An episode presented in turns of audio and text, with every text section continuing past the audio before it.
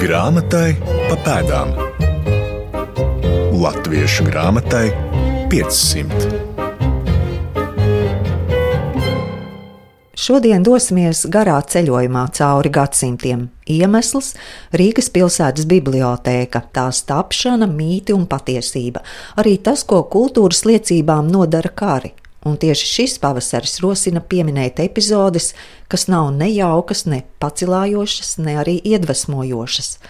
Arī 1524. kas tiek uzskatīts par Rīgas pilsētas bibliotēkas dibināšanas gadu, ir nemierīgs laiks. Rīgas pilsētas bibliotēkas senākie grāmatu krājumi, rokraksti un iespiestās grāmatas ir pārņemti no Rīgas klosteriem, proti no Dominikāņiem un Franciskāņiem. Tāpēc vispirms dosimies izpētes gājienā pa vecrīgu, apjaušot vietas, kur atradušies Dominikāņu un Franciskāņu klosteri, arī viņu bibliotēkas. Vai var arī tikt pagalmā? Pagalmā vispirms. Jā, mēs varētu pirms iet Es pagalmā. jūs laižu pagalmā, jā. Jā. Jo mums būs rādījums par Dominikāņiem daļēji. Tā, vispirms jūs iesat uz, uz to pagalmu, jā? Jā. Tad ejiet lūdzu, es te sagaidīšu, jo nav. Ejiet uz caur lūdzu, pa tām durvīm ārā. Ar vēsturnieku un Latvijas Nacionālās bibliotēkas vadošo pētnieku Gustavu Strāngu tiekamies pie Svētā Jāņa baznīcas. Sagaidām saulīti, kundzi no draudzes, kura mums atver durvis arī uz iekšpagalmu, kas slēpj Dominikāņu klostera senos mūrus. Šī ir klostera krustē, kas ir tas mazumiņš, kas ir saglabājies no Rīgas Dominikāņu konventa krustēs. Pusotra vēlva, un tur ir arī, kur parasti ļaudis tiek klāt, ieeja Jāņa sētā. Tur arī ir saglabājušās vairākas vēlves. Savukārt šī bija slēgtā klostera teritorija, Tomā Rīgas Dominikāņu konvents, un no 13. gadsimta 30. gadiem līdz pat 1524. gadam šeit atradās Rīgas Dominikāņu konvents, kurā visticamāk dzīvoja vairāk desmiti brāļi. Mēs nezinām precīzi, jo gan Dominikāņu gadījumā, gan arī Franciskāņu gadījumā nav saglabājušies nekādi avoti par viņa konventu iekšējo dzīvi. Tās liecības, diemžēl, arī dēļ reformācijas, ir gājušas bojā. Un pēc konventa slēgšanas 1524. gadā šī pilsēta pārņēma šīs ēkas. Te bija dažādas darbnīcas, un pašā baznīcā bija arī daļai stālis. Tur arī glabāja lielgabals. Līdz uh, Rīgu ieņēma poļu karaspēks 1582. gadā.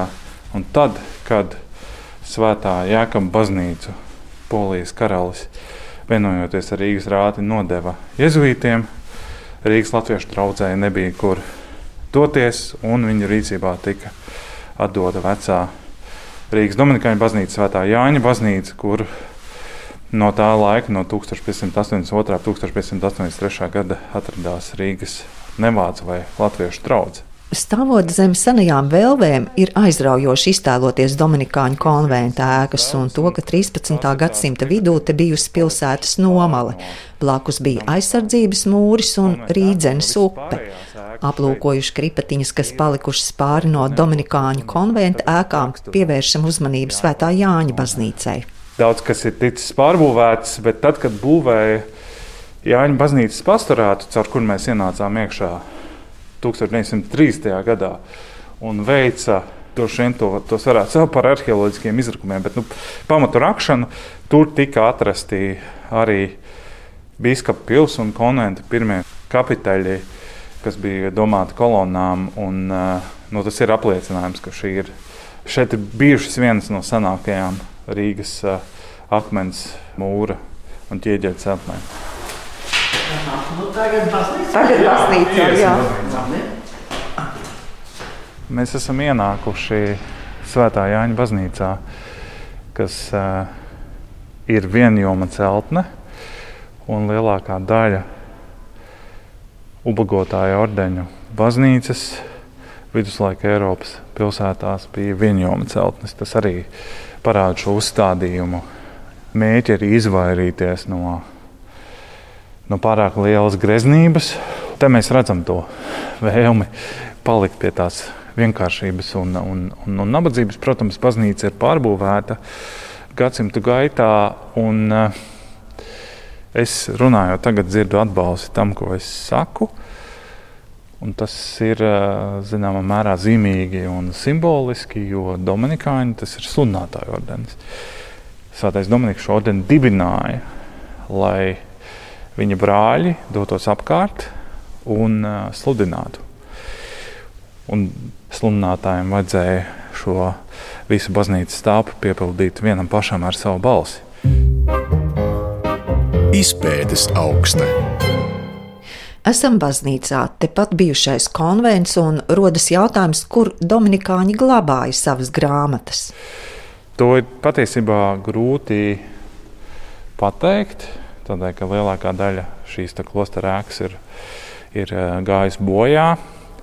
Bet parasti nu, tās ir divas iespējas. Vai nu sakristēji, vieta, kur glabājas liturģiskās grāmatas un glabājas priekšmeti, kas ir nepieciešami liturģijā, vai arī konventā īpaša telpa, jo Dominikāņi un arī Franciskāņi, bet Dominikāņi tas bija izteiktāk. Viena no viņu šīs garīgās dzīves sastāvdaļām bija studijas un mācības. Un viņiem bija nepieciešami šie te teksti. Viņi ne tikai mācījās tad, kad viņi iestājās ordenī, bet arī visā savas dzīves laikā domāju par to, kādā veidā studēt un eh, kādā veidā pievērsties ne tikai sludināšanai, bet arī intelektuālām lietām. Šīs grāmatu kolekcijas mēs arī varam saukt par nelielām bibliotekām, jo diez vai tur bija vairāk par 50, 100 grāmatām, gan manuskriptiem, gan vēlāk no 15. gadsimta vidus, vēlāk arī iespiestās grāmatas. Šīs grāmatu kolekcijas nebija pieejamas tiem cilvēkiem, kuriem nepiederēja šai kopienai, kur nepiederēja Dominikāņu ordenim, ir īstenībā joprojām pētniecībā debatēja jautājumu, vai pašiem brāļiem drīkstēja piederēt grāmatas, jo tas arī tas šis nabadzības jautājums un personīgā īpašuma jautājums. Pat ja brālim piederēja grāmatas, tad nomirstot, viņas palika konventā vai nonāca kāda cita konventa brāļa rīcībā. Tas bija visticamāk uz dzīves laika, bet nu, mēs nevaram izslēgt varbūt kādas grāmatas arī piederēja pašiem brāļiem, bet nu, lielākā daļa šo grāmatu bija kopīga īpašums konkrētajam konventam. Mēs ļoti maz zinām par šo slaveno 1524. gadu, kas un kā notika. Mēs zinām, ka Dominikāņu un Frančiskāņu grāmatas nonāca pilsētas īpašumā, bet mēs nezinām, kas notika ar šo konventu arhīviem vai ar viņu dokumentiem. Vai tad, kad brāļi tika lūgti nepārāk pieklājīgā veidā pamest pilsētu 1524. gada pavasarī, vai viņi ņēma līdzi savus dokumentus vai nē, kopā ar Andru Levānu mūsu pēdējā pētījumā par uh, Rīgas cicerciešu Dominikāņu un Frančiskāņu grāmatām. Mēs atklājām, ka ir viena bijušā Rīgas Dominikāņu grāmata, kas ir nonākusi Stokholmā vēlāk, jo viņi tika vienā no pilsētām Rīgā vai iespējams Tērbatā Ziedu karaspēks to sagrāva un aizved uz, uz, uz, uz Zviedriju 17. gadsimta sākumā. Iespējams, ka daži dominikāņi kaut kādas grāmatas un dokumentus paņēma sev līdzi, tad, kad viņi devās prom no Rīgas. Bet tādas pilnīgas pārliecības mums nav. Paldies! Lielas paldies! Viss, jā. Jā, viss sirsnīgi vēl. Visu labu. Visu labu! Laimīgi.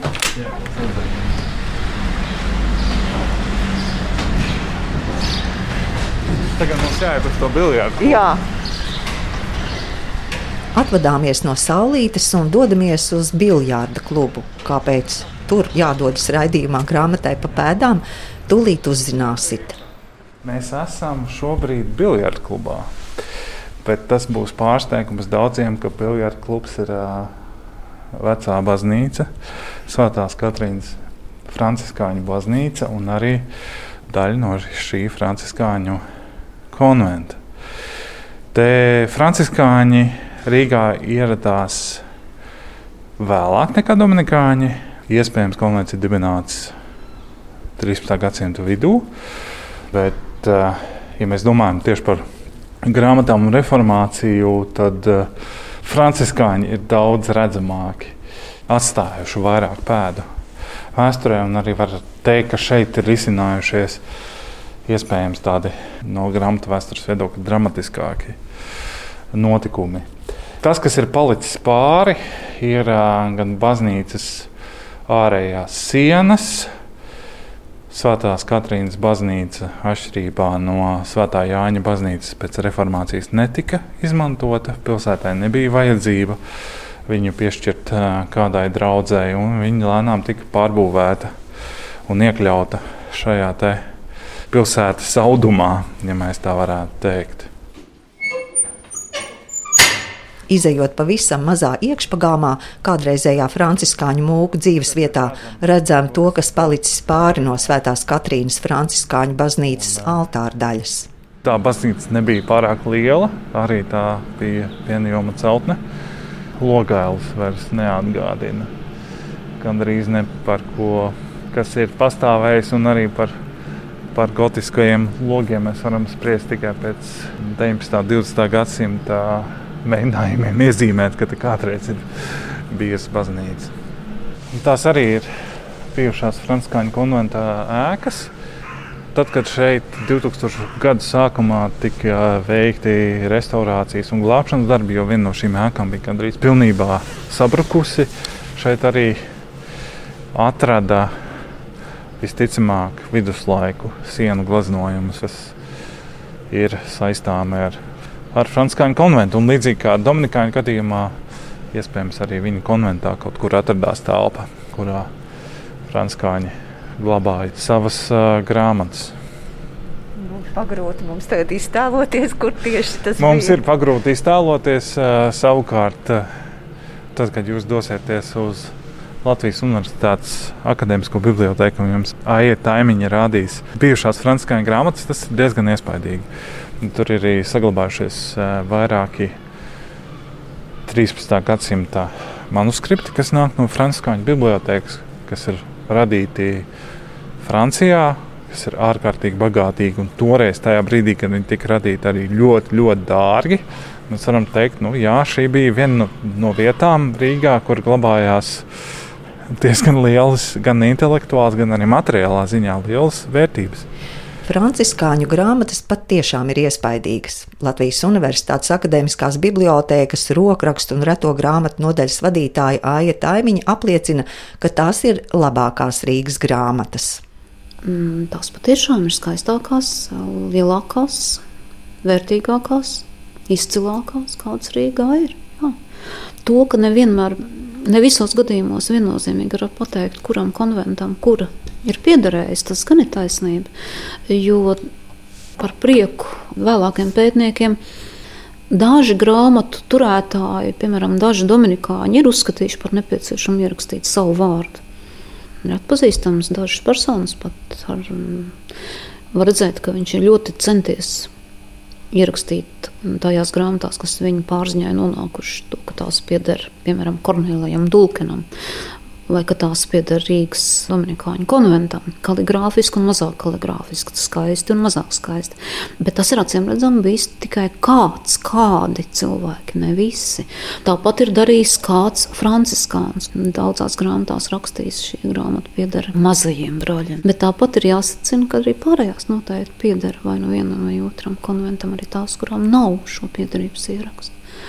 Jā, skaistas, labas, vērtīgas iemantotas droši vien dažādos ceļos, atbraukušas uz Rīgu kopā ar kādu Dominikāņu vai Franciskāņu brāli, kas šeit ierodas un, uzturās, vai pirktas Eiropas grāmatu tirgos, tad, kad tās grāmatas drukā, vai pasūtītas.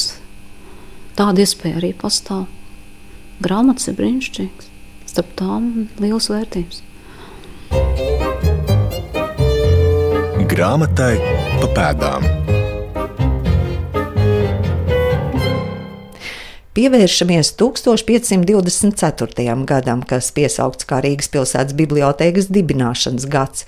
Gustavs Strunke atgādina, ka tas ir ļoti nemierīgs gads. Ap šo laiku jau bija skaidrs, ka Lutera piekritēji pilsētā gūs virsroku. Un reformācija radīja šo jautājumu, ko darīt ar ubagotāju konventu grāmatām, kad rāta ir kļuvusi luteriska un šiem te katoļu brāļiem, priesteriem, ir jāpamet pilsēta, ko darīt ar viņu grāmatām.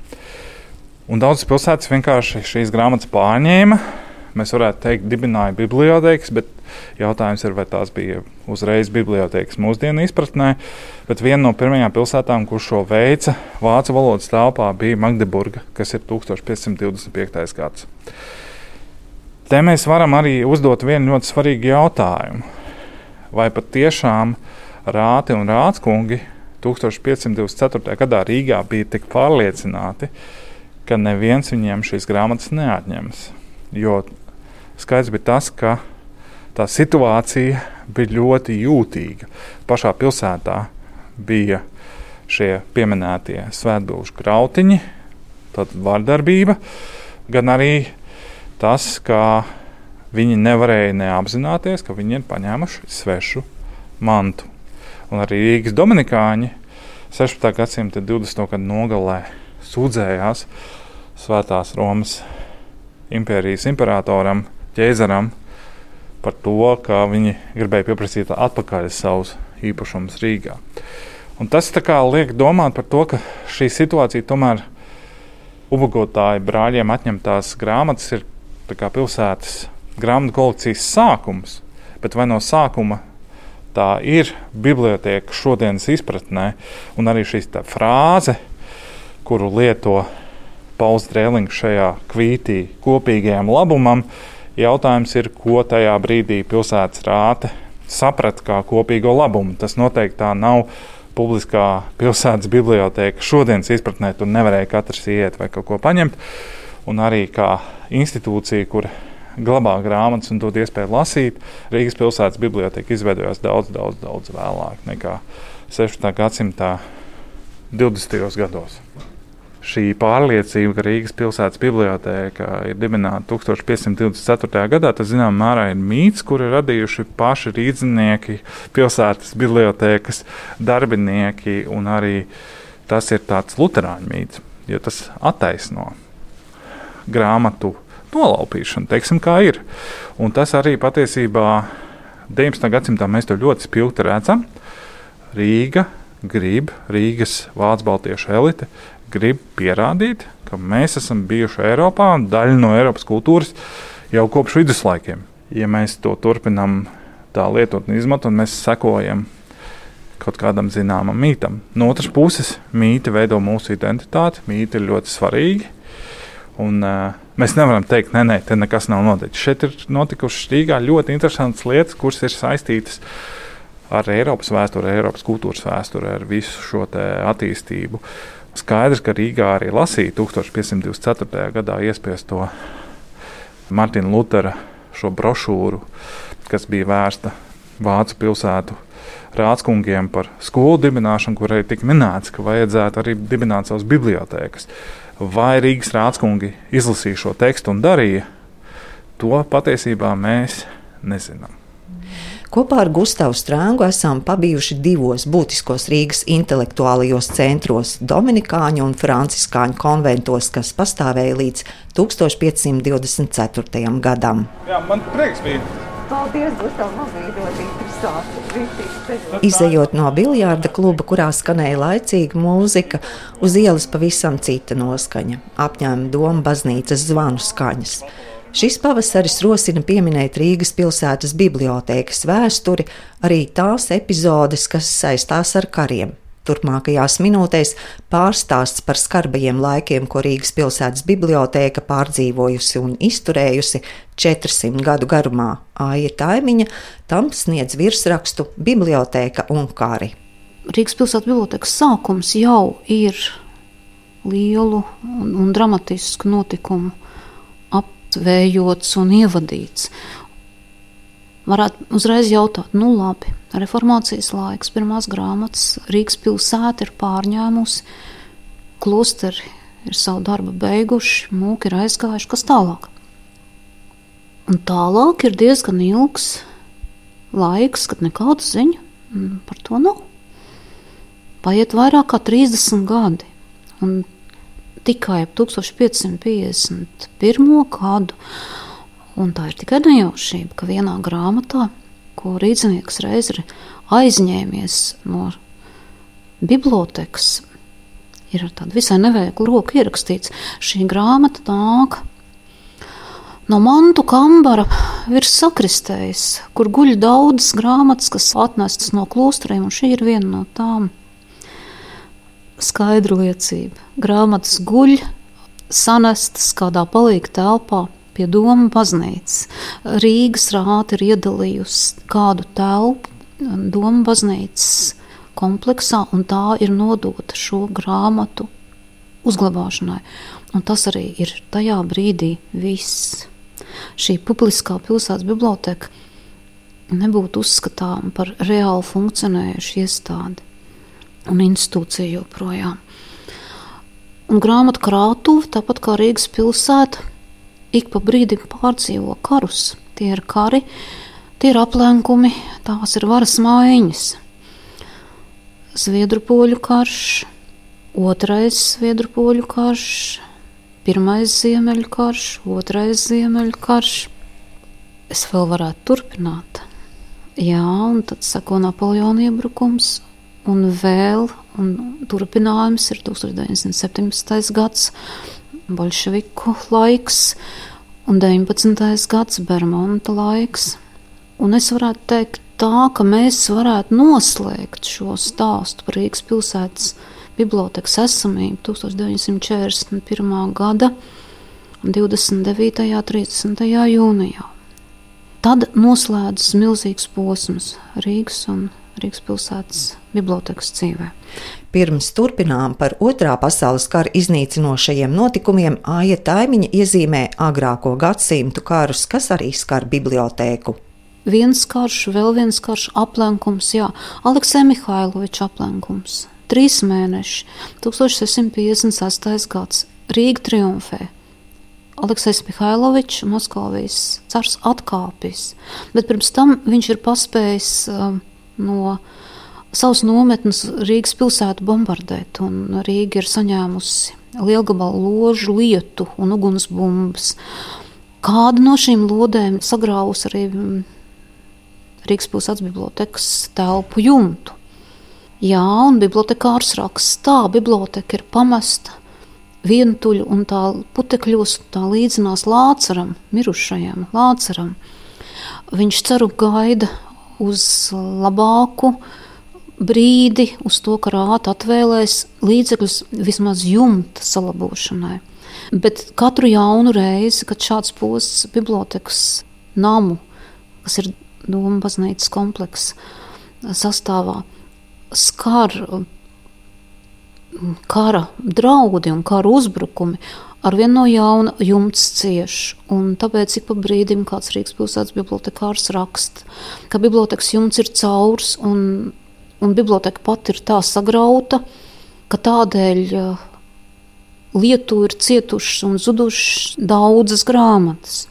Tad ir bijis tāds ziņojums rātē, ka bibliotekas telpas nu jau ir tādā stāvoklī, ka tur klaiņo suņi un kaķi. Ik reiz pēc kārtējā aplēkuma paiet 10, 20 gadi, līdz biblioteka spēja atjaunoties. 19. gadsimta beigās bibliotēku pārved uz Rīgas rācnamu, kur aizņem otro un trešo stāvu. Atkal iejaucas karš, un otrā pasaules kara sākums Rīgas pilsētai sagādā milzīgu postu iet bojā lielākā daļa bibliotekas krājuma. Rīgas pilsētas biblioteka ir slēgta, nevienam nepieejama.